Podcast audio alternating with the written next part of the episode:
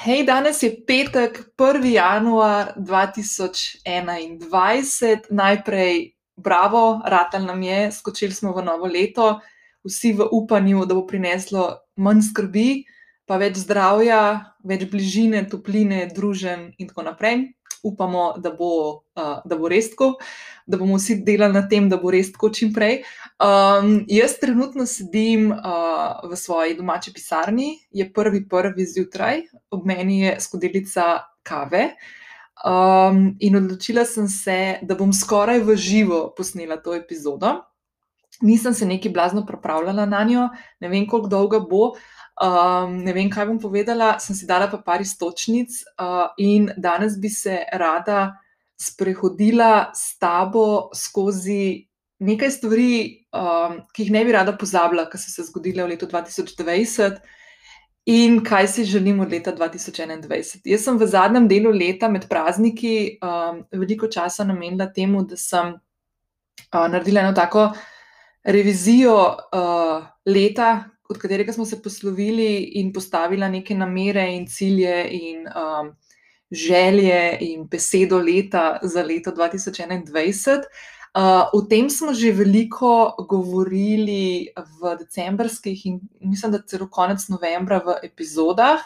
Uh, če skočiš na uh, 57. in na 58. epizodo, potem lahko slišiš eh, najprej Mojco in Mašo, moji krasni uh, kolegici in sodelovki na določenih projektih, ki sta povedali, kako se one dve lotita načrtovanja.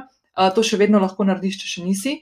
Še vedno traja, še vedno se to lahko naredi. Jaz sem to lani delala 2. januarja, sem tolk.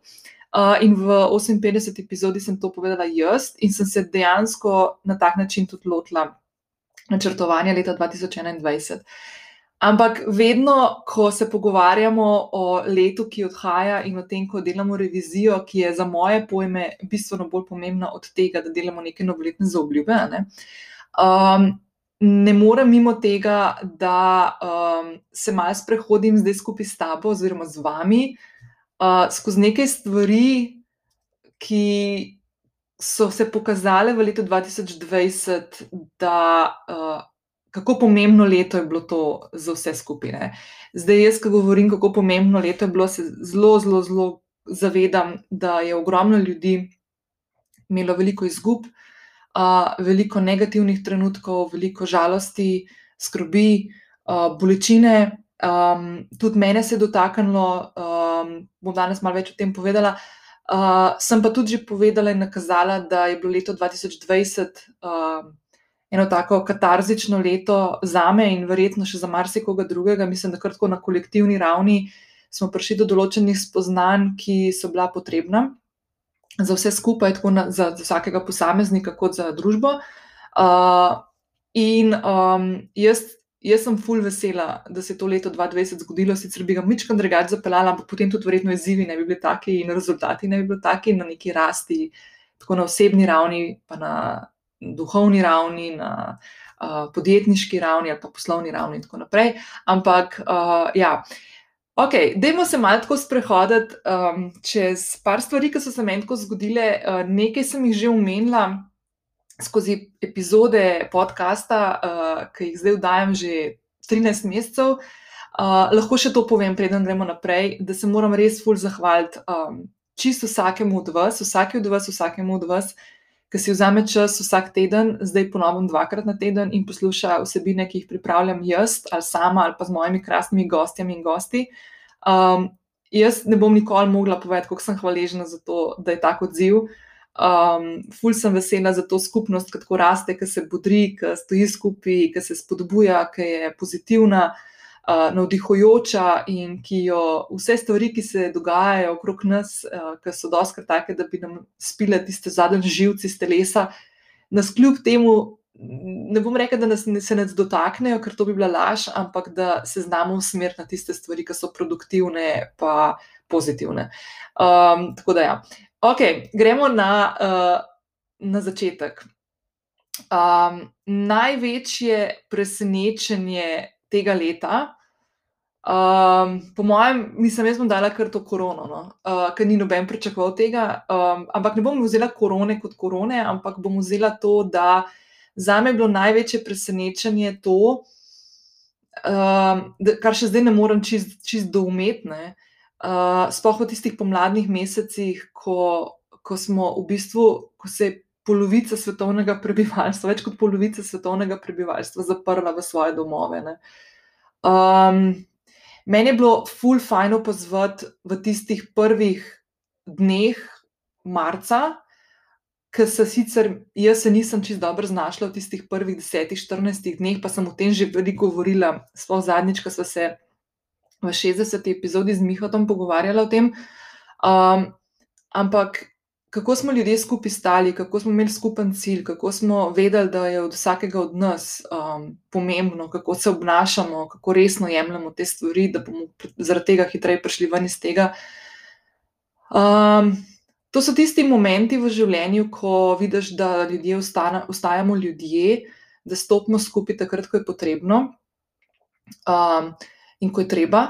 Um, to je nekaj takega, kot takrat, ko se zbira vem, denar za kakšne otroke, ki se morajo zdraviti. To, no. Mislim, to so tisti momenti v družbi, ki rečeš, ok, še smo taki, da se lahko ena drugega zanesemo. Uh, pustimo pa, da je šlo to malo cvetno, da se na pozitivne stvari osredotočiti, ampak meni je bilo to, ful, ni bilo presenečenje, ampak ful je bilo tako lepo. No.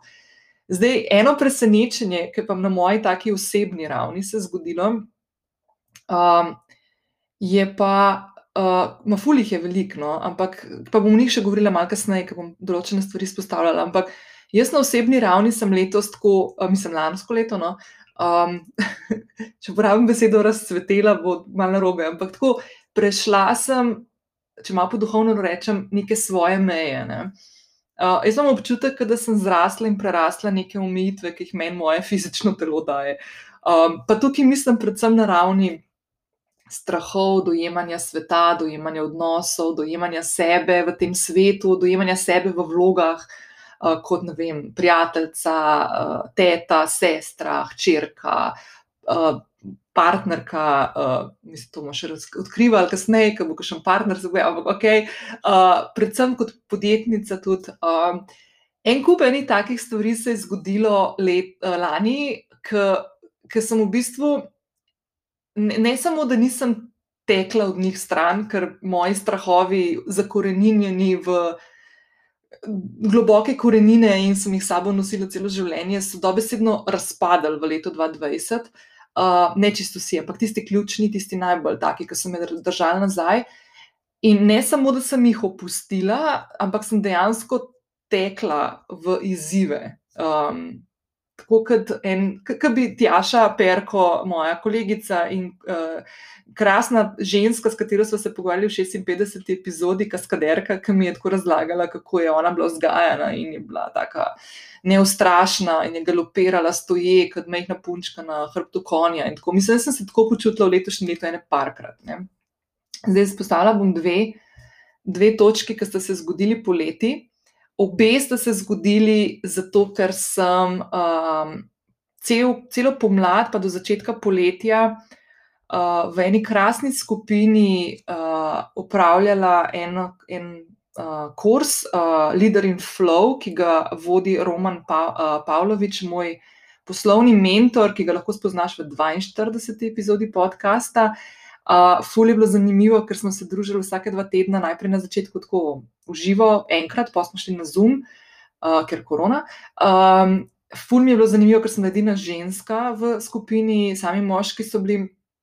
Uh, in sem na začetku imela tako malo, kako bo pa to zdaj spadalo, ampak dejansko je bilo ful dobr. Um, in naredili smo na koncu, ob zaključku tega uh, tri-mesečnega ali pa skoraj štiri-mesečnega programa, smo si naredili dva izziva. Ne? En izziv je bil, da smo šli v vetrovnik v Lugaticu, In drugi izziv je bil, da nas je eden od uh, udeležencev, uh, Jaka, um, hej, Jaka, uh, nas je povabil, da gremo na izvir Kamniške bistrice uh, in se potopimo v 4 stopinje toplo vodo. Um, pa gremo od začetka, najprej ta vetrovnik. Um, ena od stvari, ki jo jaz fulno ne maram v življenju in nikoli nisem marala, je um, ne maram premikanja na višini nimam panike z višino, ampak ne maram to, da se premika, naprimer, neke te vlakci smrti. Ali pa se spomnim, ko sem bila v Sydneyju, skoraj 20 let nazaj, pa sem si ful želela, da bi šla gor na tale Harbour Bridge, uh, pogledala, da bi bila razgled celega tega Sidnijskega zaliva. Pa so mi rekli, da se gorče piha, pa tudi če ne ful piha, no, da se tako zna premikati konstrukcija, jaz nekaj, da ne, in nisem šla zaradi tega, mi je ful žal, danes bi šla. Uh, ali pa, naprimer, kaj mi tudi ni všeč, ni mi všeč, naprimer, da bi stala nekje ful visoko, pa gledala v globino, naprimer, da, bi da bi bila tla steklena, ne vem, carski most v Ljubljani ob straneh ali pa, ali pa ne vem, v njih hoteli, ki so tako, da greš na najvišje nadstropje pa gledaš v globino in stojiš na pleksi steklu. Te scene, to meni men ni prijetno. No? Ampak, v glavnem, mi smo šli v ta vetrovnik. Uh, in kar je bilo fulj zanimivo, je, da preden smo šli noter, smo dobili navodila, kako se z rokami sporozumevamo, zato ker noter se ne slišiš. Ite greš noter z trenerjem, ne, ne greš sam. Um, in jaz sem navajena, uh, blaglih kontra. Jaz, ki sem delala um, pred leti spit za učiteljico aerial joge, to je tista joga na trakovih, ki so obešeni iz, iz stropa. Sem se ful učila, kako moram nekomu, ki visi na traku in z glavo navzdol, ponovadi, uh, kako ga moram voditi varno iz te poze, da pride nazaj ven, ali pa, no, ali pa da gre notri v, da se obrne na glavo, ali pa da gre pač nazaj ven, tudi če me ne vidi, ali pa če tema. Ne. Se pravi, da se je vse tako zelo nanašalo na to, da si znal dajati jasna navodila, verbalna. Ne. Tukaj je bilo pa ravno kontrane. Uh, poleg tega, da te je odnesel gor in da če si naredil tako premik telesa za milimeter, te je pognal čisto v drugo smer, ali gor, dol, levo, desno, ali pa okrog. No, in um, ful dobro je bilo to, da sem bila jaz, mislim, da ta prva, ki sem šla, ali pa druga. Šla sem dvakrat po dve minuti, dejansko je delovalo, da sem eno uro noter, ful sem bila utrujena, ful sem imela naslednji dan muskul fiber, tle na licih, ful, ker sem se režala, pa kričala, pa ful se bilo, pa, pa ritnice, pa spodnji del hrbta, tako mislim, ful je bilo zanimivo. Ampak meni je bilo tako noro in stvar, ki sem jo jaz iz tega vetrovnika odnesla, pa bajdo, jaz se moram zahvaliti vsem tam, ki so bili, mislim, da bi moj trener Uroš. Uh, ful se moram zahvaliti uh, vsem tam, zato ker uh, jaz sem res v tisti izkušnji tako premagala, mislim, sebe, no? tako, sebe in posledično vse moje strahove. In uh, ta izkušnja je prišla v tistem tednu, ko sem jaz v bistvu imela en tak full big revelation v življenju, čisto slučajno na sprehodu. Mislim, da sem o tem že govorila v eni od prejšnjih poletnih epizod. Uh, um, da sem ugotovila, odkje izhajajo moji strahovi, kje je vir mojih strahov. In sem, in sem takrat povedala, da sem, da sem tako čisto slučajno na enem sprehodu z mojo sestrico, nečakom Brestom, pa očem, ugotovila, da je moj oče tisti, po katerem sem podedovala fulejnih strahov, ne? njegovih in pol razvila valjda še svoje. Ne? No, in jaz sem v tem vetrovniku takrat, ne, par dni potem, ko sem to veliko spoznanje doživela je to tako odpadalo od mene, ne? tako čist, čist odpadalo od mene. No, in naslednja stvar, ki se je zgodila ne dolgo po tem vetrovniku, mislim, da sta bila razlike dva tedna, če ne manj. Je bilo pa to, da je Jaka, uh, en krasen, krasen Jaka, ki ga poznam že iz študentskih let iz obale in je bil tudi moj uh, sošolec na, tej, uh, na tem programu Leader in Flow. Je rekel, hej, pet bomo šli na Vim Hofovo metodo, pa gremo v hladno vodo se namakati mislim, hladno, ledeno. Ne? In zdaj, ko sem Dima Hofa poznala že odprej, uh, verjetno je vsaka od vas, vsak od vas zanj že slišal v letošnjem letu.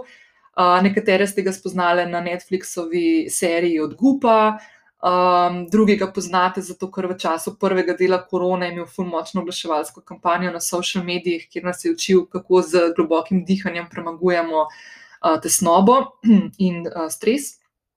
Um, no, in um, jaz sem takrat probala uh, to njegovo dihanje v marca meseca. Mislim, da mi je, mislim, da mi je Klara Leben. Ja, Klara mi je dala, uh, Klara Badova je bila tudi gostja v 51. epizodi.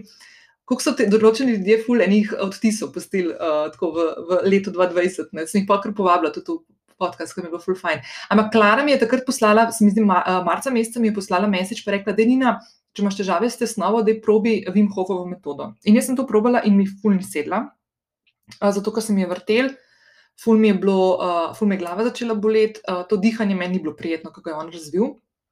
In ko je Jaka rekel od polet, da gremo na Vim Hofovo metodo, se pripraviti najprej z dihalnimi vajami na to, da se bomo potem potopili v vodo, ki ima uh, kaj rekel, 6 stopinj, pol na koncu je bilo 4,5. Uh, nisem bila glih ful pristaš tega in v bistvu me je bolj skrbel ne toliko ta voda, pa ledena voda, kot to, da bomo imeli najprej te dihalne vajene. In ena od prvih stvari, ki sem jih, um, ki sem jih rekla temu našemu inštruktorju, ki mu je mimo grede ime Emil Ledenko, uh, I kid you not, res piše ledenko. Pa enkrat ga povabim na podcast, sem obljubila, da ga bom. Um, in sem mu rekla, a, a ta diha, te, te dihalne vaje bo te od Vima Hofa, pa rekel, ne, ne, sem malo prilagodil po nekem svojem, se rekel, ok, boljš, ker meni ti res ni sedel. No in kako je to zgledal, ne, to vam moram zdaj prav povedati, ker to je pa po mojem ena od mojih najboljših izkušenj v življenju. Ne samo v letu 2020, ampak v življenju, pa bom povedala na koncu kaj. Um, celotna stvar se je zgodila tako, da smo se dobili na izviru Kamniške bistrice. Uh, najprej smo imeli skoraj dobro uro predavanja. Uh, Emil nam je razložil, um, zakaj, je, zakaj so te dihalne vaje in zakaj je ledena voda, zakaj je dobra za človeško telo, kaj vse se zgodi s telesom, ko, se, ko stopiš v, uh, in se potopiš do vratu v res mrzlo vodo. Uh, v bistvu nam je tako teoretično povedal, kaj vse lahko pričakujemo, da se nam bo zgodilo. In meni je bilo to full fine, zato ker sem full tak človek, kontrol frika ne po naravi in rabim čim več vhodnih informacij, da si sestavim neko svojo sliko in da potem, ko se znajdem v neki situaciji, imamo občutek, da jo malo bolj obvladam. Um, no, in ko smo zaključili s tem predavanjem, smo se pred tisto brunarco ulegali na jogo podloge. In smo imeli dihalne vaje, ki ne vem, če so dobro, kako so trajale, ampak bi rekla, da sigurno kakšno slabo uro. In v teh dihalnih vajah, pa jaz, zaradi tega, ker sem pač se ukvarjam z jogo, pa meditacijo, pa to, jaz te dihalne vaje tudi sama premalo sicer, ampak jih izvajam. No? Uh, in nisem imela nekih posebnih uh, težav. Ampak sem tudi pri teh dihalnih vajah spoznala en kup enih svojih omejitev, oziroma sem jih presegla. Naprimer, to, da smo zadržali dih na prazen, na prazen um, na telo, ki je bilo izpraznjeno, sprav, ko smo naredili zdih zadnji, smo zadrževali, potem pred novim vdihom. Pa mislim, da mi je rata do minute pa pol pridati, kar mi je bilo čisto fascinantno, ker nikoli tega nisem ti provala prej. No. Ampak padeš dejansko v en tak, um, kako bi rekla, ja, en tak flow, en tak trans. No. To se fokusiraš na dihanje, da meni se je zgodila ena stvar, pri vseh mojih uh, meditacijah in vsem tem, jaz se nikoli, očitno, nisem znala čist dobro, res sestaviti in postaviti uh, v neko tako ravnovesje in povezanosti same sabo. Jaz nikoli nisem pri meditacijah doživljala nekih ne vem kakšnih revelationov, ne, kot so jih nekateri drugi, ki so to govorili, kaj vse vidijo in ne vidijo. In Ampak pri, tej, pri teh dihalnih vajah se mi je pa prvič v življenju zgodil, da sem imela občutek, da imam moje možgane v enem takmu džakuziju. Tako imela sem občutek, da me božajo, da me možgane božajo, ni taki mehurčki, da me žgačkajo, ful zanimiv občutek. No, in sem lahko rekel, wow, to je pa ful kul. Cool. Um, no, in ko smo končali s temi dihalnimi vajami, smo se sprehodili do izvira Kamniške bistrice uh, in smo šli noter. Uh, in jaz lahko povem, da nisem šla prva ven, tako sem ful ponosna na to, sem šla druga ven. Um, lahko bi bila še malo dalj časa, ampak sem mislila, da je še enkrat polnoter. Uh, je pa tako, da dejansko zadeva tako izgledala, da ni tako težko, kot se sliši. Uh, jaz sem človek, ki sem še nedolgo nazaj mogla imeti morje polet, vsaj 25 stopinj toplo, ker drugače mi ni bilo zaid noter. Um, in počasi sem šla v vodo, tako zelo neelegantno. Uh, tam ponavadi sem se okrog kolen prvič ustavila, okrog uh, pasu drugič. Um, pa, pa, pa, pa čakala, kdaj bo ta pravi trenutek, da, se, da grem pa zaplavam, ne tako res nisem elegantna, da gremo v vodo.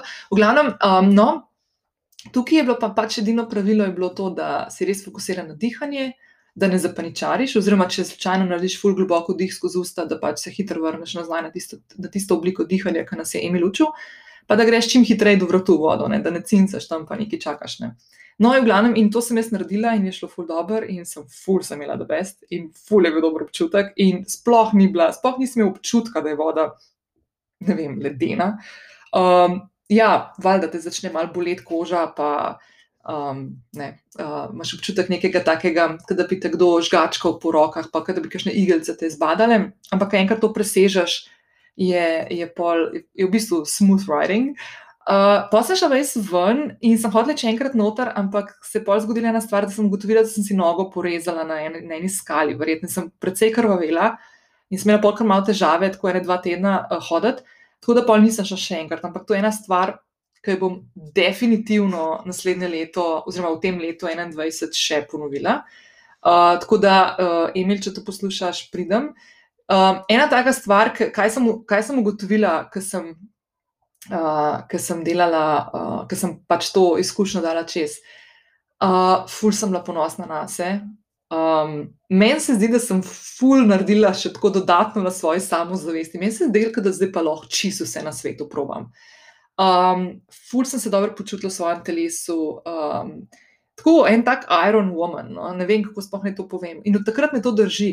Tako, uh, kar se mi zdi res noro in najbolj fascinantno, zato ker po mojem je ta občutek bil tako nujno potreben v letu 2020, zato da sem ga preživela. Ne? um, in poklukala tiste stvari, kljub vsemu, ki sem si jih zadala uh, v začetku leta 2020, brez da bi vedela, kaj me čaka. Tako da, ja. tako da, evo, ful priporočam skoku vetrovnik, ful priporočam uh, Vima Hofa. Uh, jaz sem pri obeh teh stvareh in skozi celo leto 2020 v bistvu premagvala svoje strahove, o tem sem že veliko govorila. Spuščala sem ta nadzor in občutek, da moram imeti vse pod kontrolo. Uh, ful sem postala bolj mehka, ful sem postala bolj fleksibilna, agilna, prilagodljiva. Um, nobena stvar me več ne vrže tako stera, kot me včasih. Um, tako, da ja, tako da tudi definitivno sta te dve uh, izkušnji pripomogli k temu, da me to drži še danes. Okay, naslednja stvar, uh, o kateri sem razmišljala, ko sem uh, rekla, kaj bi povedala za leto 2020, po čem bi ga rada uh, si zapomnila, je vedno tista prisotna stvar za vsako leto, ob koncu leta, tudi kje vse sem bila. Ne? In zdaj letošnje leto, ne, mislim, lansko leto 2020 je pač malo žalostno. Um, ampak uh, sem full vesela, da mi je uh, kljub vsemu uspelo skočiti za točno šest dni uh, na mojo najljubšo skalo na svetu in pod moj najljubši borovc na svetu, na Krku. Uh, plan sem imela, da grem pa še enkrat septembra, a ne, ker se bo malo spraznil, pa da ne delam gužve takrat, ko greste tisti, ki imate družine, pa otroke, ki so na počitnicah in pol sem jih zaprl. Tako da ok. Ampak nima veze. Um, bila sem na krku šest dni, uh, spomnim se vsakega skoka v morje sploh ta zadnjega, ful mi je žal, da sem šla prezgodaj domov zadnji dan, ker vedno meni se pa tako ful mudi domov, ker ima pa malo dosto vsega in moram zamenjati okolje in ful pogrešam dom. In mi je zdaj ful žal, da sem šla tako hiter. Um, Tako da to, uh, pa uh, sem šla pa na potovanje, sicer za en dan z vlakom, uh, s Teso, uh, ki jo lahko spoznaš v 41. epizodi podcasta. S Teso smo šli v Benetke, Um, mislim, da julija meseca, ful smo se imeli fajn, uh, prazne benetke so bile, kar je bilo ful zanimivo. Predvsej stvari je bilo zaprtih, tako da nismo mogli iti, naprimer, v Peggy Guggenheim muzej, ker grem jaz vedno tja, se tam ustavim in tako naprej. Ampak evo, imam pa benetke letos spet na spisku, ker upam, da jim bo uspelo speljati bienale, uh, tako da imam pol, pol leta časa da ga ujamem tam nekje od marca, ne od aprila pa do novembra. Tako da ja, to sta bili dve stvari, tako neko potovanje. Ne. Um, potem najboljša stvar, ki se je zgodila. Hm. Fulih je velik. Um, bom jaz izpostavila eno, ki mogoče ni tista ta prva, na katero bi pomislila, zato ker vem, da bom druge še fulno menjala. Um, hm, po mojem je bila ena od boljših stvari, ki se je zgodila Ja, po mojem, ste to vi, kar je povezano z vami, ne, z to skupnostjo, ki raste okrog tega, uh, lovim ravnotežje brenda. Um, naprimer, ena taka stvar je, da nam je rata le, uh, v letu 2020 speljati šest uh, večerov z jogo. Uh, lani smo sodelovali uh, z mestno občino Ljubljana. Uh, ful sem zahvaljujem Moniki in Karmen, da sta uh, tole potisnili naprej in da smo skupaj speljali vseh šest dogodkov, kar je bilo v letu 2020 precej, precej uh, velik izziv. Um, in ful sem hvaležna in vesela vsem, ki ste prišli. Res je bilo ful lepo na špici v Ljubljani in ko mi čakam. Jaz se, jaz se vsako zimo ful veselim poletja, tudi zaradi tega, ker so te joge v mestu ena od lepših stvari, ki se mi zgodijo skozi leto. In je ful lepo videti, uh, vas, ki prihajate vsak svojo podlogo na lokacijo, kjer se zberemo. Prejšnjo leto smo bili v Tivoliju, uh, zdaj zadnje leto smo bili na Špici, verjetno bomo tudi letos na Špici, uh, bom še sporočila. In uh, mislim, da je to nekaj najlepšega, kar lahko. In sem tako ful hvaležna in ponosna, da, da ustrajam pri teh jogah, da, se, da, da je vsako leto boljše uh, da je vsako leto boljši vibe, um, da pridete res tako, da se smejite zraven, da se malo podružimo na koncu. Včasih gremo tudi kakšen drinkec, zdaj letos tako, mislim, zadnje leto nismo neki ful veliko hodili, ker je bilo še vedno, uh, smo imeli malo to omejitev, pa to, ampak upam, da bo zdaj po letu drugače, pa da bomo lahko še kaj nazdravili, pa se imeli fajn, pa malo podružili ali pa mogoče skočili do mesta na kakšno pivo ali pa gin tonik ali pa nekaj. Tako da, ja. tako da evo, ena od najboljših stvari je, je definitivno, definitivno yoga v mestu poleti. Um, največja sprememba, hm, uh, po mojem, je največja sprememba, ki sem jo jaz naredila, povezana s temi premagovanjem strahov. Uh, potem tem uh, opuščanjem nadzora. Uh, tukaj se je zgodilo en kup enih stvari. Jaz sem v letu 2020, to sem že večkrat povedala, na glavo postavila svoje uh, podjetje, uh, prekinila določene stvari, ki sem jih počela dolg časa in se osredotočila na, na nove storitve, na nove načine um, delovanja. In um, meni se je tukaj en tak cel nov svet odprl. No? Uh, um, ful se bolj počutim v vlogi nekoga, ki um, podjetnike, bodoče podjetnike uči, kako graditi neke zgodbe, ki bodo zanimive in bodo izstopale iz poprečja ali pa iz številnih zgodb podobnih.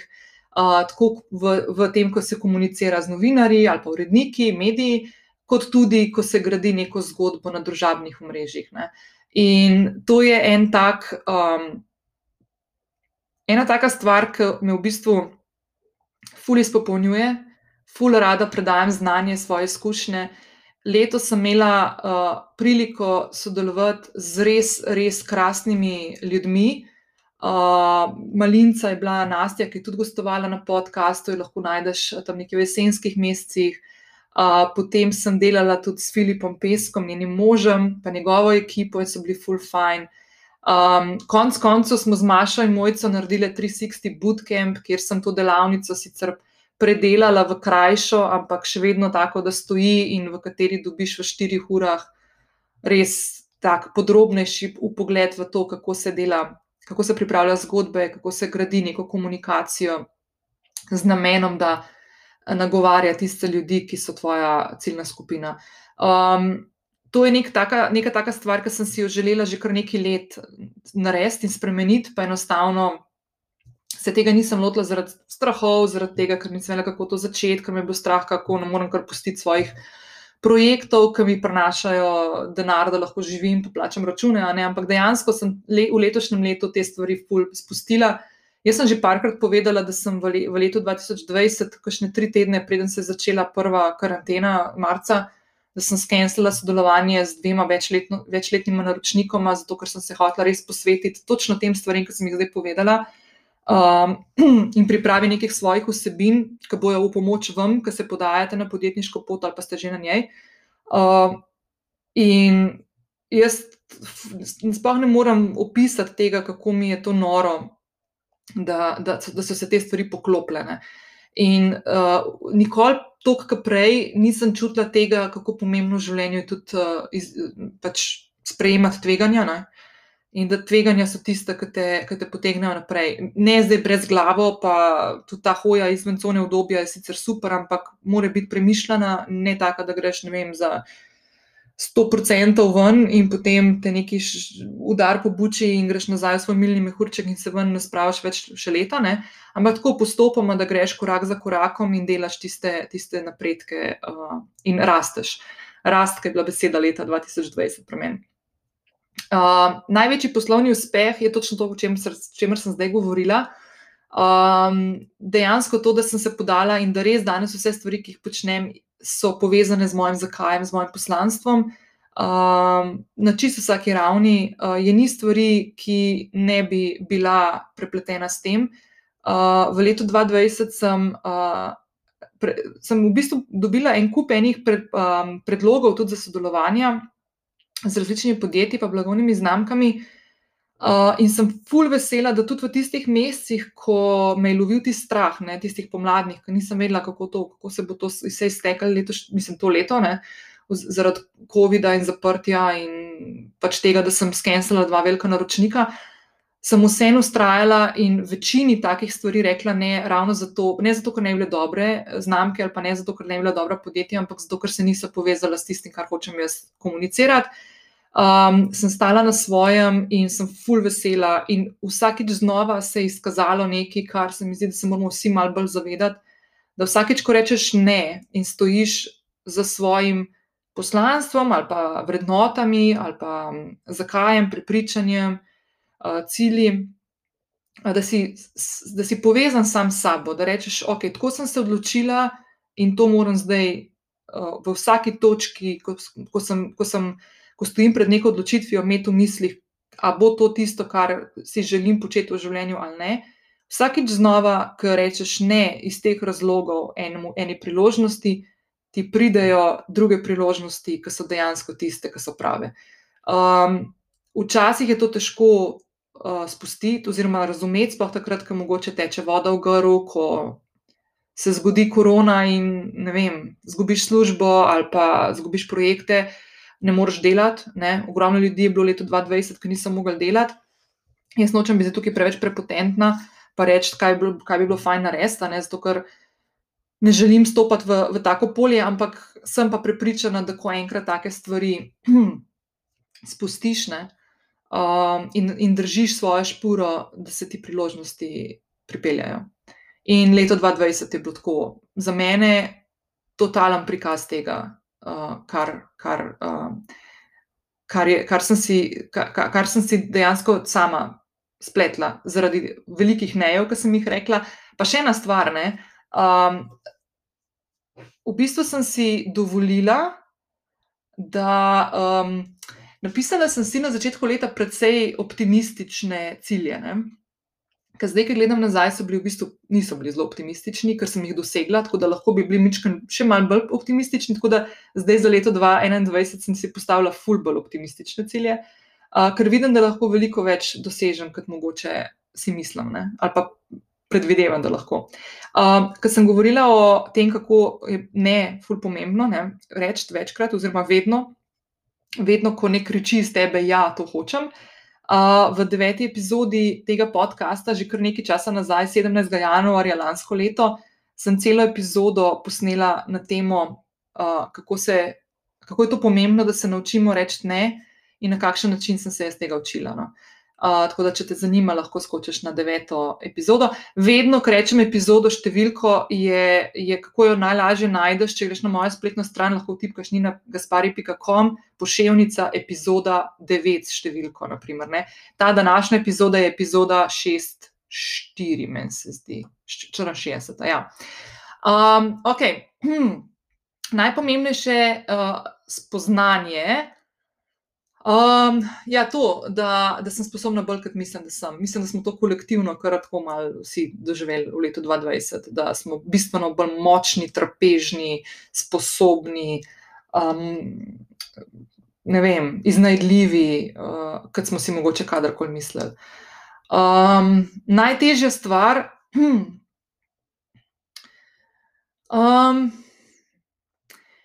Najtežja stvar je bila tista zadeva, zaradi katere sem v bistvu tudi fulh hvaležna, da sem jo imela v letu 2020 in to je bilo to, da živim sama. Po eni strani mi je to fulh prav prišlo, um, ker sem zaradi tega, ker živim sama in imam ta luksus, ne, lahko naredila ogromno enih stvari, kot če bi naprimer imela družino, um, otroke doma in tako naprej, ne, da, bi bil, da bi bila to moja realnost. Uh, pol tega ne bi imela. Ne. To se jaz ful zelo dobro zavedam in nočem biti tukaj spet prepotentna. Ampak um, je bilo pa po drugi strani to najtežje, zato ker sem izredno, izredno pogrešala uh, bližino, uh, druženje. To, kar smo se z Mihatom pogovarjali uh, v 60. epizodi, ki tudi on živi sam, da, da mi, ki delamo tudi od doma in živimo sami, dejansko imamo tisti del za druženje je ponovadi isto po službi. Um, da greš na drinke, da greš na sprehod, da greš na uno. In tega zdaj letos ni bilo tako veliko, mislim, praktično tega ni bilo. Um, jaz sem v bistvu bila celo leto precej zafrustrirana zaradi tega. Mogoče sem tudi zaradi tega izpostavila jogo v, v Ljubljani, ne poleti, ker mi je bilo tako noro takrat, ker je bilo toliko ljudi okrog. Ne okrog mene. In, in meni je bilo to čist, čist fascinantno, ker je bilo to totalno nasprotje tega, kar je bilo sicer v tem letu, v letu 2020. Ne. Ful sem žalostna, zato ker um, je uh, družba, v kateri mi živimo, se ful ne zaveda dovolj dobro tega, da je ljudi, ki živimo sami, vedno več. Ne. Um, pa jaz moram eno stvar reči, da nisem imela nekih takih težkih občutkov, da sem osamljena, sem pa tja, ja.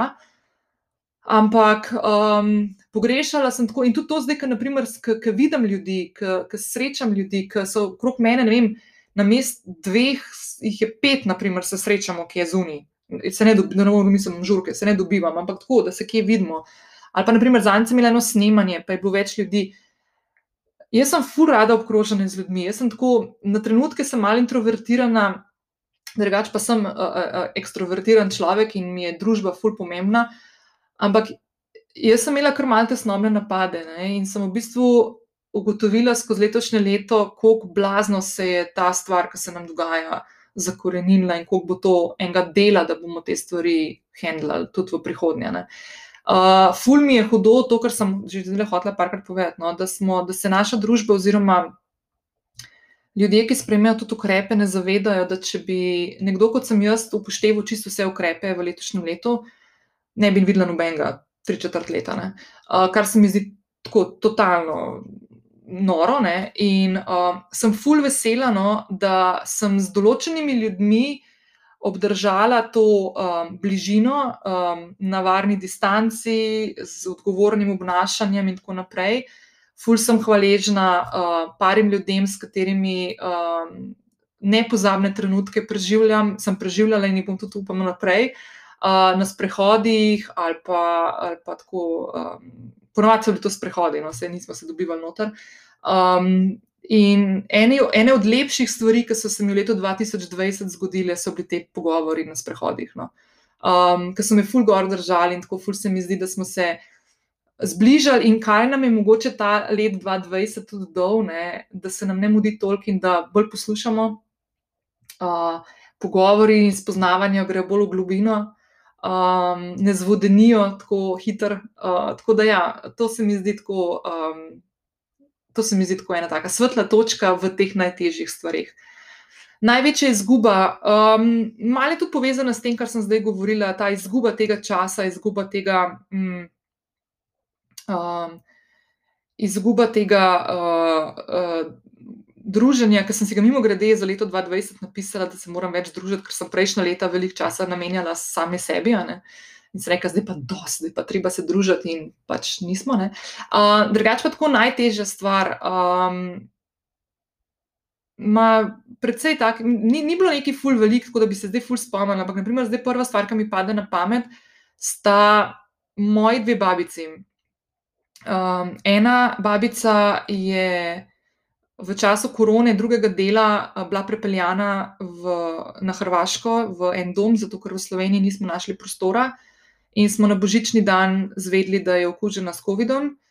Um, je ok, sicer za enkrat, ampak um, ful je čuden občutek, no, tako res, res je čuden občutek. Uh, ta druga babica je imela pa celo jesen, um, celo jesen je bila po, po, po bolnicah, imela je tudi amputacijo noge, uh, enega dela noge, pljučnice vmes fasala. Um, Fule je bilo grozno, no, tako fule je bilo grozno, ker ne moreš do človeka iti, pa vidiš, da mu je hudo. Um, ja. in, in je zdaj tudi v domu, tle v bližini Ljubljane. In je grozen zato, ker um, te ljudje so tako čist pozabljeni, tako res tam so zaprti, čakajo, da bo kdo okužen ali ne bo, mislim, katastrofa. No. Jaz sem zdaj vesela, da ta, ta druga babica je bila zdaj v prvem dnevu, ko so cepili, bila cepljena s prvim odmerkom, sem full vesela, upam, da bo tole pomagal, pa da bo da bomo lahko hitreje prišli do nje, oziroma da bomo tudi mi, kot družba, te stvari pre premagali hitreje zaradi tega, uh, zaradi cepiva. Ampak ja, mislim, noro. No. Um, okay. Moja moč in moji strahovi. Uh, ja, pač jaz sem ugotovila letos, tle sem si par stvari zabeležila, da, bom, da, da ne bom pozabila. Drugač pa eno stvar, jaz te stvari, ki sem si tle zapisala in kar rečem najpomembnejše spoznanje. Jaz sem na spletni strani od Sense videla eno take vprašanje, ki si jih lahko postaviš in mi je to taka mala istočnica, si sem si jih par zbrala in uh, grem mal potem. Uh, tako da lahko tudi vsak od vas malo skoči. Ja. Uh, ja, moja, jaz sem ugotovila, v čem sem močna. Um, to, to mojo moč sem v bistvu prepletla v moje poslanstvo, v moj zakaj, kar mi je čisto fascinantno. Uh, strahovi so precej popadali, ne še vsi, ampak ja. Um, tako da to, to mi je tako čist najbolj fascinantna stvar. In bom leto 2020 neverjetno hvaležna za vse večne čase, ker me je naučil dejansko živeti res sama s sabo in povezana s seboj in v svojem ritmu, in se zavedati, v čem sem dobra in to podpirati, ne, ne, ne bežati od tega stran. Tako da to mi je amazing. Uh, najbolj pomemben odnos v letu 2020 um, je odnos z mano, odnos mene s seboj. Uh, ful sem ful sem ga tako razdelila, še bolj, sem že, že to itak naredila prejšnja leta, ampak se mi zdi, da, da letos je šlo to pa še tako malo na steroide. In, um, ja, tako, zdaj, ko nazaj pogledam, je bilo to leto res leto tazga samo spoznavanja, samo odkrivanja, samo sprejemanja, samo refleksije. Um, Tako, ja, zdaj si želim v letošnjem letu, da bi na koncu letošnjega leta rekla kakšno drugo osebo. Ampak, by the way, je bilo, je bilo tudi. Um, Je bilo tudi ogromno ljudi, ki bom malo še polomenila, ker so mi ful, ful dragi in ker sem ful hvaležna jim za njihov čas in za njihov odnos do mene. Um, kdo je prišel in kdo je odšel iz mojega življenja? Um, Veliko, kar nekaj ljudi je prišlo, kljub vsemu, no? kar je ne par. Um, ne bom jih zdaj naštevala po imensko, ampak vse vejo, po mojem, kdo so. Ampak um, ene par jih je tako prišlo v moje življenje, um, ene par, ja, ene par takih. Res, ki jih, ki jih z veseljem in z, z, srčno jemljem v 2021. Tudi. Uh, zdaj, kdo je odšel, um, pismo, ne vem, ne vem, tukaj ne, ne, ne bi znala odgovoriti, ker noben ni tako bil, da bi bili. Ni bilo nekega tega čiščenja, zato ker jaz to čiščenje malo tako skozi pomalem delam. Um, tako da um, ni bilo tega tako, da bi zdaj rekla nekega um, poslavljanja od kogarkoli. No. Uh, je pa to ena taka stvar, ki jo je fajn v življenju narediti večkrat. Uh, in jaz mislim, da v letošnjem letu tega ne vem, če sem naredila. No. A ja, lažem, lažem. Uh, v bistvu, ampak to niso prijatelji. To, uh, en kup enih ljudi sem unfriendala na Facebooku, pa na Twitterju sem jim nehala slediti, pa tudi na Instagramu. Um, ampak to so tako, niso zdaj neke take stvari, ki bi me ful vrgle stera, pa da bi se skregala karkoli. Ampak so določene stvari in določene energije, ki so se v letu 2020 totalno kopičile okrog vseh teh stvari, ki so se kolektivno dogajale zaradi situacije, v kateri smo se globalno znašli, in enostavno nisem imela headspace se ukvarjati še z raznimi teoretiki zarod in negativnostmi in jada, jada. Ne. Tako da to sem, evo, tle sem pa ful čistila. Uh, tako da, ja, to, to definitivno. Drugače, v, v real life, ne, uh, pa, pa v bistvu se ne spomnim, da bi kakšnega tako uh, se poslovila od njega na tak način. Um, naslednje vprašanje iz sensinega, uh, sensinega li, sensine liste. Um, kdo ti je nudil največ podpore? um, ne morem enega, eno osebe spostaviti, ampak lahko rečem, da sem neizmerno hvaležna in vesela um, in počaščena, da praktično vsi ljudje, ki so mi blizu in ki se praktično dnevno slišim z njimi, so moji sistemi podpore. Uh, in čisto vsak v svoji uh, zmožnosti ali pa v odnosu, ki ga imam s to osebo, konkretno, je, je prispeval en ful pomemben del v tem mozaiku um, opolnomočenja, rečemo temu tako. Um, to so, pa se jih lahko naštejem, mogoče uh, moja sestra, naprimer, z njo sem v bistvu v letošnjem letu dejansko preživela največ časa tudi v. v v dnevih, ko, ko smo bili omejeni, smo hodili na sprehode. Uh, potem uh, Maša, pa Mojca, naprimer, uh, ki sta v bistvu moji prijatelji, ampak sva, smo tudi skupaj se poslovno prepletli in povezali, in se stojimo ob strani ena drugi. No, svoj projekt smo zagnali v 2020-360 Bootcamp, um, ki me je ful veliko stvari naučil o sebi, o podjetništvu, o grajenju, del, eh, življen, grajenju dela na, na, na spletu in tako naprej. Uh, potem je gruša, moja gruša, ki um, je tako že zadnjih nekaj let, tako ena od oseb, ki sem fulh hvaležen, da imamo življenje, da sem jo spoznala. Uh, potem je Meta. Uh, Meto si tudi lahko spoznala, mislim, da v 30. epizodi podcasta, Barbara, Ana, Um, pol je tukaj Miha Rekar, ne, s katerim hodim na sprehode, pa je še en Miha, ki hodim na sprehode, um, Tesa, uh, fulih je. Zdaj, koga ne bom omenila, pa bojo razočarani, pa je žalostni. Um, te bom malo odprla uh, svoj telefon, da pogledam, če sem koga spustila. Barbara, Barbara, moja Barbara, ki je tudi bila na podkastu uh, poleti. Um, Ja, moja starša, konec koncev, tudi. No. Smo tudi sicer bili bolj po telefonih, ne, ampak ja. Um, Ma tako en kup enih ljudi no, je bilo, uh, ki te podpirajo. Konec koncev tudi tako. No.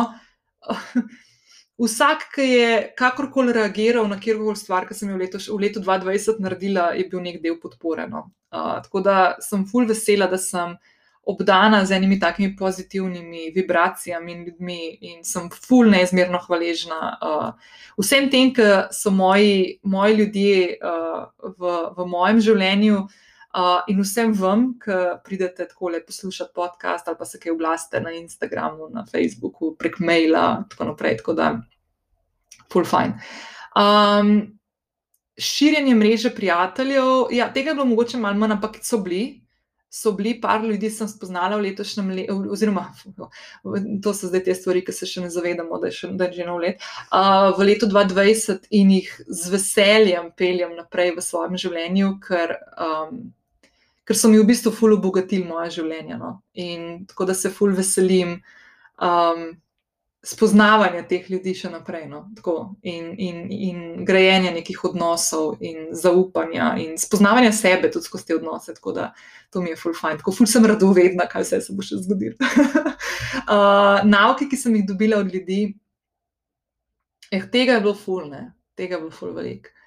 Um, tako, če sem zelo iskrena, ne. V bistvu te nauke skozi dobivam, ne, z vsakim impulzom, ki se zgodi, Pustimo zdaj te ljudi, ki so moji ljudje, ki se dobivam z njimi, ki se klepetamo izven etra, izven nekih teh objav, ki jih mogoče vi, poslušalke, poslušalci, tako vidite, ali pa tako te, v realnem življenju, ki so te odnosi, glo, globi, moji srčni, predani, tako ne, pač življenje. Ne, pa ne, da ga zdaj skrivam na drugih omrežjih, ampak pač ne moreš vsega povedati, pa pokazati, določene stvari zadržiš za sebe. Uh, ampak. Uh, to je ena stvar, to so stvari za kdaj drugič. Uh, ampak te stvari, ki imam pa tako z vami, z to skupnostjo okrog tega, lovim ravnotežje. Um, jaz moram reči, da, da, da se v bistvu uh, zaradi vas, vseh, ne, in zaradi, um, m, zaradi sporočil, ki mi jih pošiljate, ponavadi, naprimer, če se zdaj pogovarjamo o vas, ki ste poslušalce, poslušalke, poslušalce tega podcasta, uh, Vsako, um, vsaka ocena, vsako mnenje, ki ga napišete v podcast aplikacijo, vsako sporočilo, ki mi ga pošljete na temo podcasta ali pa tako na kakšno drugo stvar, ki jo vidite, um, je meni en prikaz tega, da, da sem full vesela, da se gradi ta skupnost na tak način, kot se gradi. Jaz sem že večkrat povedala, da noben moj kanal, ki ga upravljam, ali je to podcast, spletna stran, Instagram, karkoli ni samo moj, ampak je od vas tudi, uh, kar pomeni, da mi je ful pomembno, da mi poveste tudi, kaj si želite, kakšne vsebine. In če jaz vidim, da lahko v neki vsebini dam neko svojo vrednost oziroma neko svoje. Um, Nek doprinos k temu, no, nek dodano vrednost temu, uh, pa z veseljem ugriznemo tako temo. Če je to tema, ki mi je tuja, pa rečne. Ne.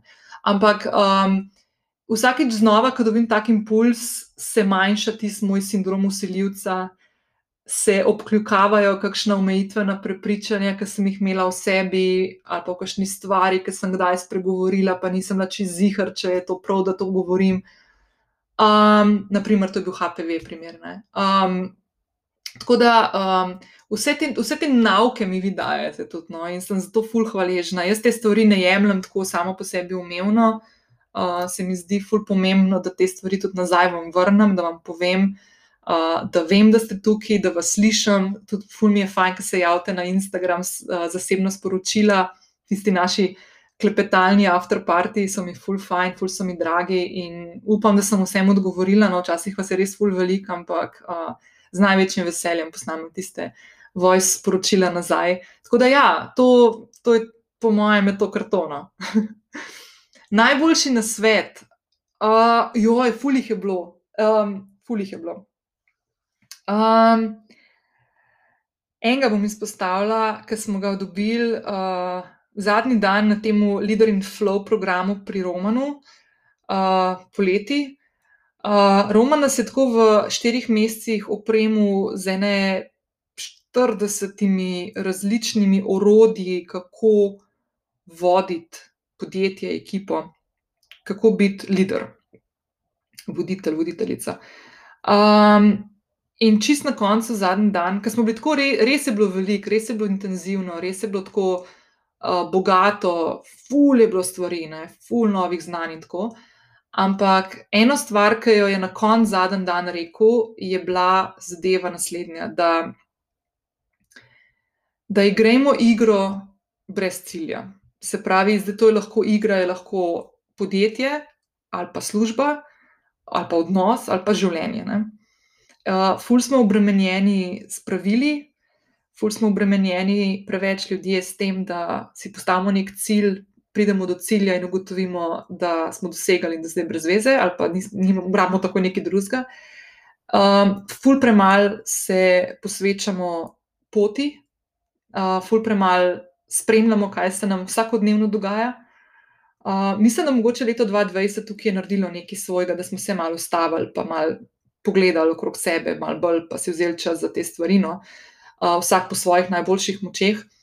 Ampak to igranje igre, bre, igre brez cilja uh, je meni tako, ful se mi je dobro zdelne. Vsa ta pravila, vse te modele, orodja, ki jih imamo v življenju, ne, ki jih spoznavamo, ki se njih uči, iz njih učimo, ki so del socializacije, ki so del uh, učenja nekih uh, orodij, ki nam pomagajo pri delu, pri odnosih, karkoli. Ampak na koncu ne, vse lepo in prav, ampak včasih je treba igrati tudi kakšne igre brez pravil. Brez pravil v tem smislu, da postavljaš svoje pravila, ki prihajajo iz tvoje intuicije, ki prihajajo iz tvojega čustvovanja, ki prihajajo iz tvojih vrednot, iz prepleta tega, kar ti si, kot neka edinstvena oseba. Uh, seveda, brez tega, da posegaš v integriteto nekoga drugega in mu delaš probleme, valjda, ampak tako, da, da, da si v dobrem smislu to, kar si, igraš po svojem ritmu, hodiš po svetu. To ne moreš zgrešiti, če to delaš, ne, nikoli. Uh, si zvest sebi in nisi tako prekleto zagledan sam tja, kamor hočeš iti, ampak da spremljaš, uh, kaj se ti dogaja. Da mogoče, če treba, spremeniš pot, uh, zbereš druga vrata, skočiš skozi okno, naprimer, tako kot smo skakali leta 2020, precej. Um, to se mi zdi tako ena od takih ful, ful norih zadev. In jaz sem to v glavi že tako od poletja in moram reči, da se tudi jaz, kot oseba, ki je imela vedno scenarij od A do Ž, vse napisane, pa ta kontrol, frikovski moment, pa to. Sem se začela tega ful zavedati in imam to skozi, ta stavek imam skozi v svoji glavi, zelo v bližini, da ga lahko potegnem, ker imam občutek, da sem se spet nekam zapletla. Uh, Um, tako da tudi, naprimer, ta filozofija lovim ravnoteže, ki sem že večkrat povedala. Um, jaz sem vam povedala, da bom še enkrat, ker mogoče, mogoče sem to že dolgo časa nazaj rekla. Um, ta skovanka, oziroma, oziroma ta besedna zveza, lovim ravnoteže, ki mimo grede, je nisem jaz odkrila, ne, ampak uh, meni se je to zgodilo, oziroma je nastala pred tremi ali zdaj štirimi leti, mislim, da pred tremi leti, med krompirjevimi počitnicami, ko sem en dan ležala na postli, gledala Netflix in razmišljala o, o, o razno raznih stvareh, in pa sem ugotovila, v bistvu, kako sem jaz ena kraljica, ki sem, sem našla neko ravnotežje v življenju. Ne. Takrat sem bila prepričana, da sem jaz tako svet igral odkrila, da jaz sem pa zdaj uravnotežena oseba in to je zdaj to, in zdaj lahko smooth riding do konca svojih dni. Ne. In sem naredila ta lovim ravnotežje, uh, hashtag, ne. in pač pol vse okrog tega. In kakšne pol leta po tistem, um, sem v bistvu ugotovila, da, da me spet nekaj vrglo z tera, ne? da to ravnoteže ni, ni obstalo. Ne? In takrat se je zgodil ta, ta občutek tega, da je ravnoteže fluidno. Ne? Da stojiš na eni taki, um, ki mu je nečak, ki ima tisto desko, ki levo-desno hodi in ga zanaša in mora loviti center ne? in mora loviti ravnoteže, dobesedno. Um, skozi te neki meče malo ven iz tega ravnotežja. Ne. Lahko je uh, vem, klic, lahko je en e-mail, lahko je sporočilo, lahko je človek, ki pride v tvoje življenje, lahko je nov šef, lahko je nov naročnik, lahko je koronavirus, uh, lahko je dež, ki misliš, da bo sonce. Karkoli tazga, vedno je lahko neka stvar, ki te v nekem trenutku vrže iz ravnotežja. Ali mečkam zaziba ven, ali te pa konkretno vrže iz tega ravnotežja. Naprimer, koliko je leta 2020 bila korona kriza, ki je kolektivno, globalno nas vrgla iz, iz neke osi. In jaz sem začela zadnji dve leti dejansko to ful spremljati pri sebi in sem ugotovila, da, da mi ni pomembno to, da jaz stojim nekje na sredi in da lovim to ravnotežje, ampak mi je pomembno, da na tej poti lovljenja ravnotežja življenjskega med delom, med zasebnim življenjem, med odnosi, med tem, kdo sem jaz, kaj se želim od sebe, kaj se želim od drugih, stvari, ki želim, da napolnijo moje življenje, stvari, ki želim, da odidejo, in tako naprej. Uh, mi je pomembno to, da uživam v tej poti. Uh, ni mi pomembno, tudi, zato tudi, naprimer, jaz ne pišem, uh, ko se začne novo leto, jaz ne pišem nekih ciljev kaj, ali pa nekih zaobljub ali pa nekih, ne vem, uh, takih stvari, ki so tako zacementirane. Jaz si nekako ne kažem pot, v katero hočem iti. In si dovolim, da je to fluidno. Um, to sem delala zdaj že dve leti, mogoče dve leti pa pol, in zdaj v lanskem letu se je to ravno zaradi teh spoznanj, kako pomembno je, da smo fleksibilni, pa agilni, prilagodljivi, uh, se je to še dalo na neko višjo potenco. Ne. In to se mi zdi, da je tako. Eno od najboljših spoznanj, in to je tisti srč tega, zakaj se ta podcast kliče Lovim ravnoteže. In vse, kar to govorim, uh, v vseh stvarih, ki jih jaz predavam, v vseh stvarih, ki jih dajem od sebe, je vedno ta mal, ta juiciness notrne, da uživaj v tem, kar v trenutku, v katerem si.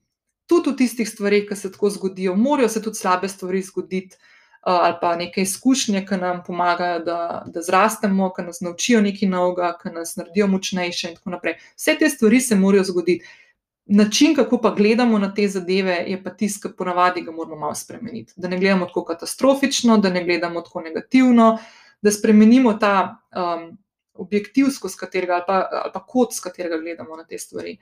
Um, pa tukaj se tudi jaz še vedno učim, tudi mene še zanese na kakšne, na kakšne stvari. Um, ampak to se mi zdi, da je eno tako ključno, ključno spoznanje in ta nasvet, da igraj igro brez cilja je meni tako, to, to je to. Leto 2020 v treh besedah. okay, bom, najprej bom rekla, najboljše leto ever. Okay, to.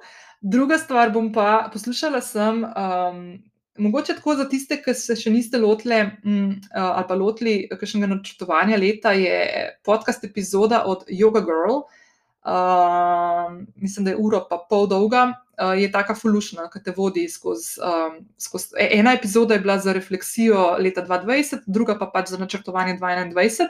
Um, ona je tam noter rekla, da je bilo leto.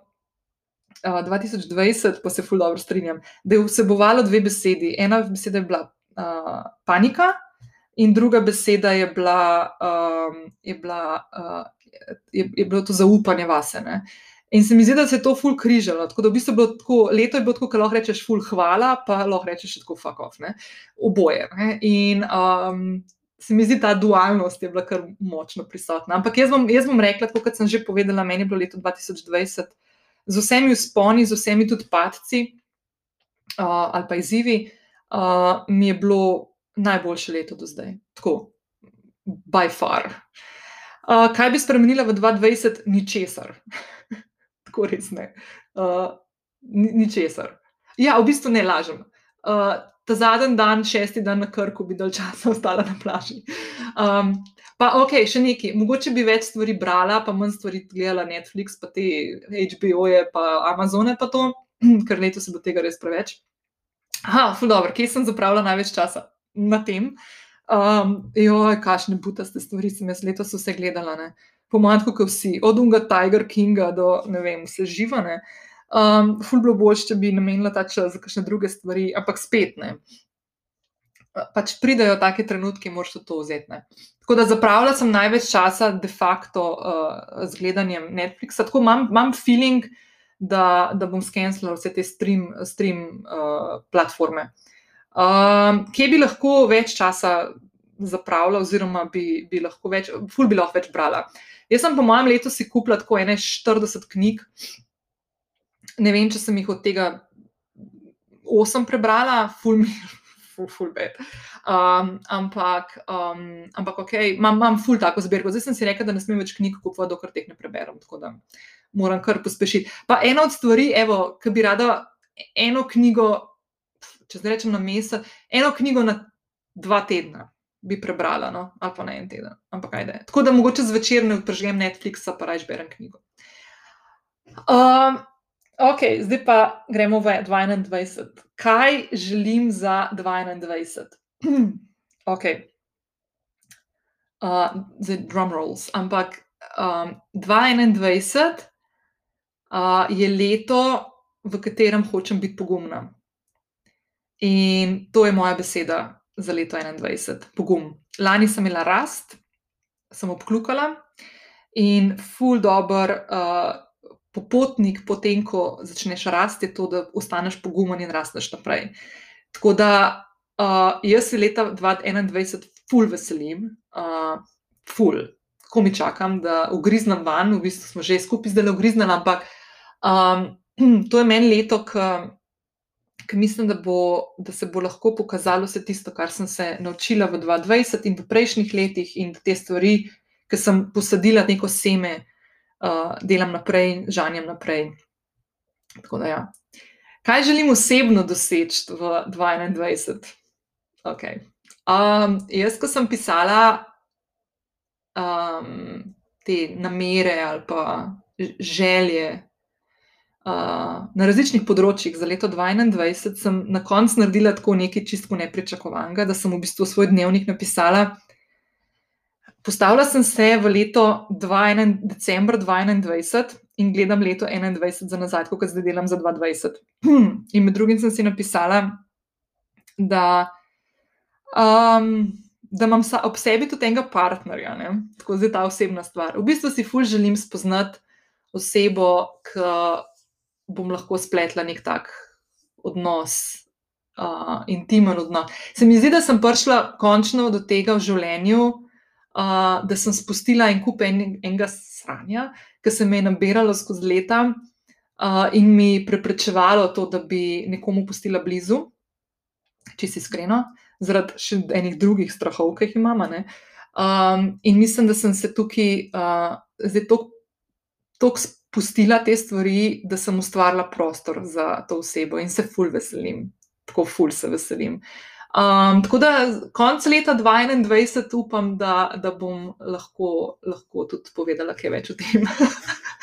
uh, drugač pa, drugač pa v 2021 si želim še uh, dve stvari narediti, ki sem jih tako uh, v letu 2020 um, sem premalo grizelna v njih in si želim zaradi tega, ker vem, ker mi ful veliko pomenta in mi ful. Um, In se zaradi njih dobro počutim, pa sem to premalo delala lani. Uh, eno je, da upeljem uh, jogo in meditacijo v svoj vsakdan in da začnem, uh, da začnem res delati na nekem tem fizični aktivnosti, malo bolj, zato ker v letu 2020 je tukaj malo razpadel. Delala bom tudi na tem, da si postavim neko novo rutino, zato ker tista rutina, ki sem jo imela kar nekaj časa, je v letu 2020 razpadla. Um, mogoče mi malo ne služi več, tako da bom zdaj to mal šla v odkrivanje kakšnih novih stvari. Um, še kaj tasga. Mislim, se zdi, da so še kakšne stvari, no, ampak ja. Um, Ja, to je to. Pa v bistvu si želim tako res spet. Bom, bom povedala nazaj tisto, kar sem si za 2020. Ful si želim potovati v nove kraje, spoznavati ljudi nove. Um, tako pač druženja. No. Družen si ful želim. Uh, kaj želim pos, poslovno doseči v 2021? Uh, ja, tle pa je zdaj tako, ne? zelo imam optimistične plane. Zato, ker v letu 2020 sem prebila tiste strahove, ki sem jih imela desetletje. Jaz bom čez uh, dober mesec in pol praznovala deseto obletnico uh, podjetništva, uh, kar mi je čisto noro. Uh, ful bi imela žur, pa ne vem, če bomo lahko imeli žur. Um, ampak v bistvu v letošnjem letu imam uh, plan um, postaviti stvari še mal bolj konkretno uh, v neke take oblike, ki bodo tudi vam pomagale, uh, da vas vodijo v to, da greste v neke eh, nove izzive, v nove zgodbe. Uh, tako da, ful se bom lotila novih vsebin, tako da kmalo bom predstavila in nove e-booke. Um, tudi uh, v sklopu uh, programa, ki ga delam z Mojco, pa z Mašo, 360 Bootcamp, bomo ustvarjali na, na novo programe, oziroma dodali program, pa tistega, ki smo ga do zdaj imeli, res šejkali uh, in ga postavili na neko novo, v nek nov okvir. In uh, Jaz imam tudi plan, nek program postaviti skupaj. No. To se zdaj že lotevam, leto pa pol, ga že pilam, ampak zdaj ga moram pa dejansko predstaviti tako, da bo tudi na voljo in se ful veselim. Uh, in vas bom verjetno v kratkem tudi vprašala ma, za mnenje, kaj, bi, kaj je tisto, kar bi si želeli, kaj je tisto, kar bi uh, vam pomagalo, kaj je tisto, kar mislite, da bi bilo fajn, da je vključeno van in tako naprej. Uh, tako da to. Um, ja, tako nekako. Ne? Um, Ja, jaz, jaz sem tako kar, kar excited. Tale 1. januar je kar amazing, no, moram reči. Um, ampak zdaj pa tako. Uh, jaz sem full, še enkrat moram reči vsakemu od vas, vsaki od vas, da hvala še enkrat, da ste z mano, hvala še enkrat, da spremljate mene, moje vsebine, ki jih pišem s tem, kar imam vas v mislih in pripravljam s tem, kar imam vas, vas v mislih. Uh, vedno sem vesela, če se mi kaj javlja. Jaz sem zdaj v kratkem naredila tudi eno tako, en tak način, da boste lahko oddajali svoje predloge ali pa vprašanja. Uh, tako da bom kmalo tudi to sestavila, pa vas bom povabila, da, da se mi pridružite, da bomo te stvari še malo bolj prepletali, uh, kakšne take odgovore na vaše vprašanja ali pa na vaše razmišljanja. Um, jaz vam želim tako, uh, isto kot želim sebi, ne? vsakmu od vas. Uh, želim vam, da imate čim bolj, da ste obdani s čim več krasnimi ljudmi, ki so vaši podporniki, to je prva stvar. Tako fizično, kot pač, da imate nekoga blizu, na katerega se lahko obrnete. Da bo teh družen, tudi fizičnih družen, čim več v letošnjem letu, da bomo vsa spoznanja, zaradi katerih smo postali močnejši, sposobnejši, um, bolj mi, uh, ki smo jih doživeli v letu 2020, da jih vzamemo naprej, zato da bomo te izzive, ki nas čakajo, definitivno v življenju z virusom ali pa brez virusa, da jih bomo preskakovali samozavestno, opolnomočene, opolnomočeni. Um, Samozavestno, ja, to sem že rekla, samozavestno, polnomočeno, tako kot mi, tako kot v našem ritmu, uh, da bomo uživali na poti, uh, da ne bomo gledali samo ciljem, uh, ampak da bomo hvaležni za stvari, ki jih imamo, da se bomo osredotočili na to, kar imamo, in ne na tisto, kar še nimamo. Um, in da bomo imeli malo manj skrbi. No. Se mi zdi, da smo v letu 2020 nakopili toliko enih skrbi za, za par let skupaj, ali pa še več. Uh, tako da želim čim manj teh pretresov um, in čim več veselja, smeha, topline, zdravja, um, objemov, poljubov, in pač vsega, kar pa še zraven. Um, res hvala še enkrat um, za podporo, hvala za to, da si z mano. Uh, hvala za to, da ustvarjamo eno tako okolje, v katerem se pogovarjamo o stvarih, ki nas delajo, ki nam kaže na to, da smo si bolj podobni kot različni uh, in da je to tudi ok. Um, tako da, ja, hvala. In uh, noč, gremo 2021, to je to. Se slišmo v sredo, ko se mi pridruži nova podjetniška zgodba. In potem naslednji teden, ko bom gostila novega gostja ali gosta, ali pa bom sama, če ne vem, nimam še plana, malo sem si na, na ofu vzela te praznike, pa ne vem. Tako da to je to. Lepo bodi, lep petek, lep 1. januar in fajn zakorakimo to leto, odgovorno, skupaj, zdravo in s čim več sočutja in topline. Čau!